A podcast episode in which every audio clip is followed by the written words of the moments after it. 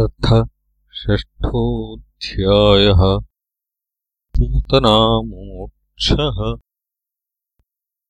श्रीशुक उवाच।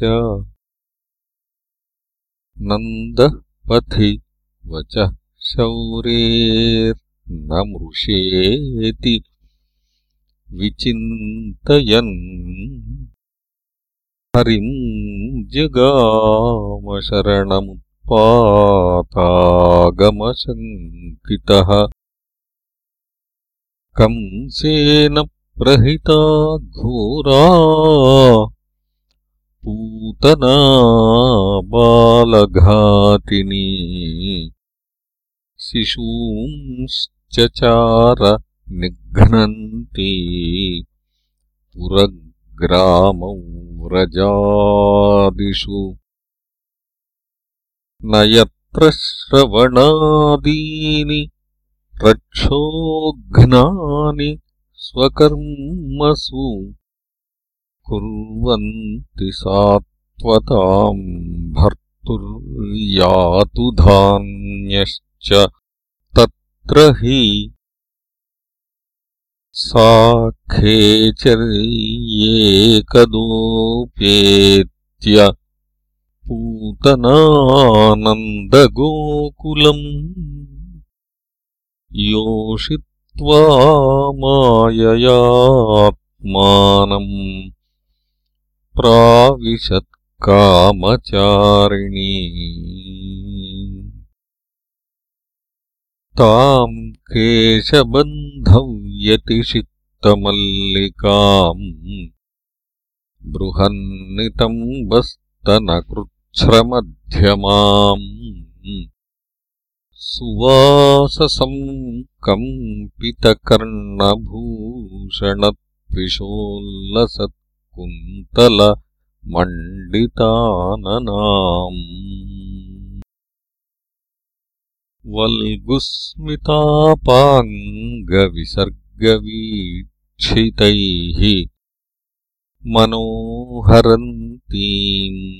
वनिताम् व्रजौकसाम्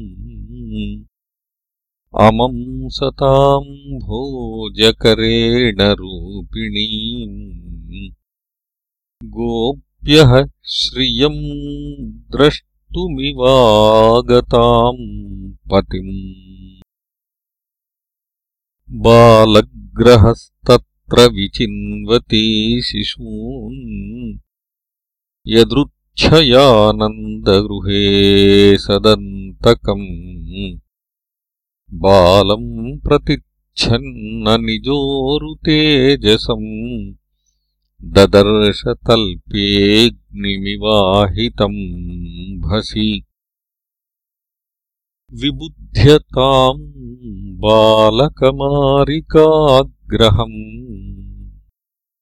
चराचरात्मा स निमीलिते क्षणः अनन्तमारोपयदङ्कमन्तकम् यथोरगम् सुप्तमबुद्धिरज्जुधीः।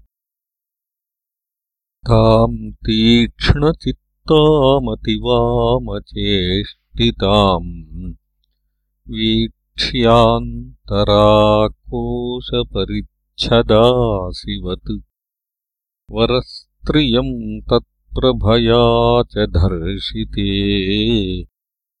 निरीक्षमाणे जननी यतिष्ठताम्। तस्मिन् स्तनम् दुर्जरवीर्यमुल्बणम् घोराङ्कमादाय शिशोर्ददावथ गाढम् कराभ्याम् भगवान् प्रपीड्य तत् प्राणैः समम् रोषसमन्वितोऽपिबत् सा मुञ्चमुञ्चालमिति प्रभाषिणी। निष्पीड्यमानाखिलजीवमर्मणि। विवृत्यनेत्रे चरणौ भुजौ मुहुः। प्रस्विन्नगात्रा क्षिपती रुरोदः तस्याः स्वनेनातिगभीररंहसा सादृर्महीद्यौश्च चचालसग्रहा।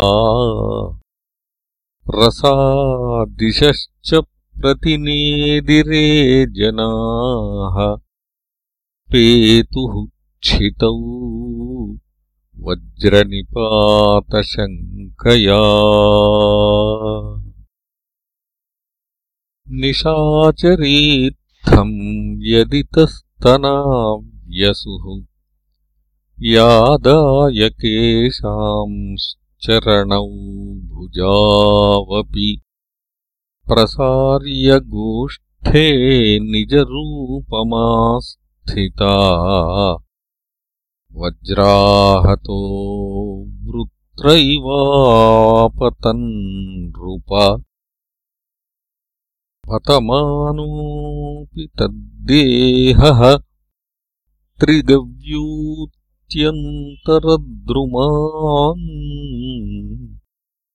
चूर्णयामास राजेन्द्र महदासीत्तदद्भुतम् ईशामात्रोऽग्रदंष्ट्रास्यम् गिरिकन्दरनासिकम् गण्डशैलस्तनम् रौद्रम् प्रकीर्णारुणमूर्धजम् अन्धकूपगभीराक्षम् पुलिनारोहभीषणम् बद्धसेतुभुजोर्वङ्घ्रिशून्यतो यः ह्रदोदरम् सन्तत्रसुः स्म तद्वीक्ष्य गोपा गोप्यः कलेबरम् पूर्वन्तु तन्निःस्वनितभिन्नहृत्कर्णमस्तकाः। बालम् च तस्या उरसि क्रीडन्तमकुतो भयम्। गोप्यस्तूर्णम् समभ्येत्य जगृहुर्जातसम्भ्रमाः यशोदारोहिणीभ्याम् ताः समम् बालस्य सर्वतः। रक्षाम् विदधिरे सम्यक् गोपुच्छभ्रमणादिभिः गोमूत्रेण स्नापयित्वा पुनर्गोरजसार्भकम् रक्षाम् चक्रुश्च सकृता द्वादशाङ्गेषु नामभिः गोप्यः संस्पृष्टसलिला अङ्गेषु करयोः पृथक् न्यस्यात्मन्यथ बालस्य बीजन्यासमकुर्वत अव्यादजोऽघ्रिमणिमांस्तव जान्वथोरू। यज्ञोच्युतः कटितटम् जठरम् हयास्यः हृत्केशवस्त्वदुर ईश इनस्तु कण्ठम्। विष्णुर्भुजम् मुखमुरुक् क्रम ईश्वरः कम्। चक्र्यग्रतः सह गदो हरिरस्तु पश्चात्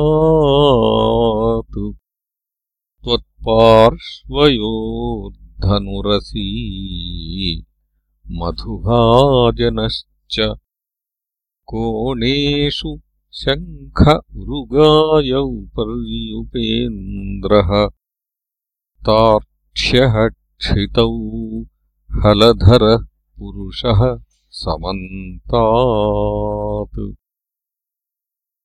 इन्द्रियाणि हृषीकेशः प्राणान्नारायणोऽवतु श्वेतद्वीपपतिश्चित्तम् मनो योगेश्वरोऽवतु पृश्निगर्भस्तु ते बुद्धिमात्मानम् भगवान् परः क्रीडन्तम् पातु गोविन्दः शयानम् पातु माधवः। व्रजन्तमव्याद्वैकुण्ठ आसीनम् त्वाम् श्रियः पतिः भुञ्जानम् यज्ञभुक्पातु सर्वग्रहभयङ्करः डाकिन्यो यातु धान्यश्च कूष्माण्डायेर्भकग्रहाः। भूतप्रेतपिशाचाश्च यक्षरक्षो विनायकाः। कोटरा रेवती ज्येष्ठा पूतना मातृकादयः उन्मादाये ह्यपस्मारा देहप्राणेन्द्रियद्रुहः। स्वप्नदृष्टामहोत्पाता वृद्धबालग्रहाश्च ये। सर्वे नश्यन्तु ते विष्णोर्नामग्रहणभीरवः श्रीसुक उवाच। इति प्रणयबद्धाभिर्गोपीभिः कृतरक्षणम्। पाययित्वा तनम् माता। सन्न्यवेशयदात्मजम् तावन्नन्दादयो गोपा मधुरायाव्रजम् गताः विलोक्यपूतनादेहम् बभूवुरतिविस्मिताः। नूनम् बतर्षिः सञ्जातो योगीशो वा समाससः। स एव दृष्टो ह्युत्पातो। यदाहानकदुन्दुभिः कलेबरम् परशुभिच्छित्वा तत्ते व्रजौकसः। दूरे क्षिप्त्वावयवशो न्यदहन् काष्ठधिष्ठितम्। दह्यमानस्य देहस्य धूमश्चागरुसौरभः स्थितः कृष्णनिर्भुक्तः सपद्याहतपाप्मनः पूतना लोकबालघ्नी राक्षसी रुधिराशना। जिघांसयापि हरये स्तनन्दत्वापसद् गतिम् किम् पुनः श्रद्धया भक्त्या कृष्णाय परमात्मने यच्छन् प्रियतमम् किम् नु? रक्तास्तन्मातरो यथा।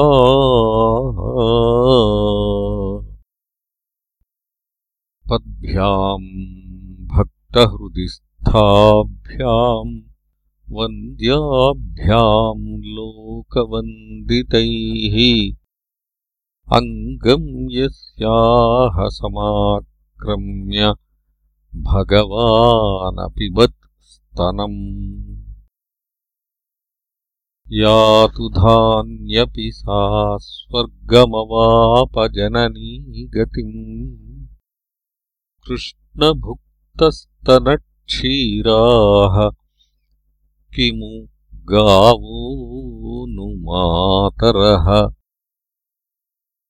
पयांसि यासामपिबत् पुत्रस्नेहस्नुतान्यलम्। भगवान् देवकीपुत्रः कैवल्याद्यखिलप्रदः।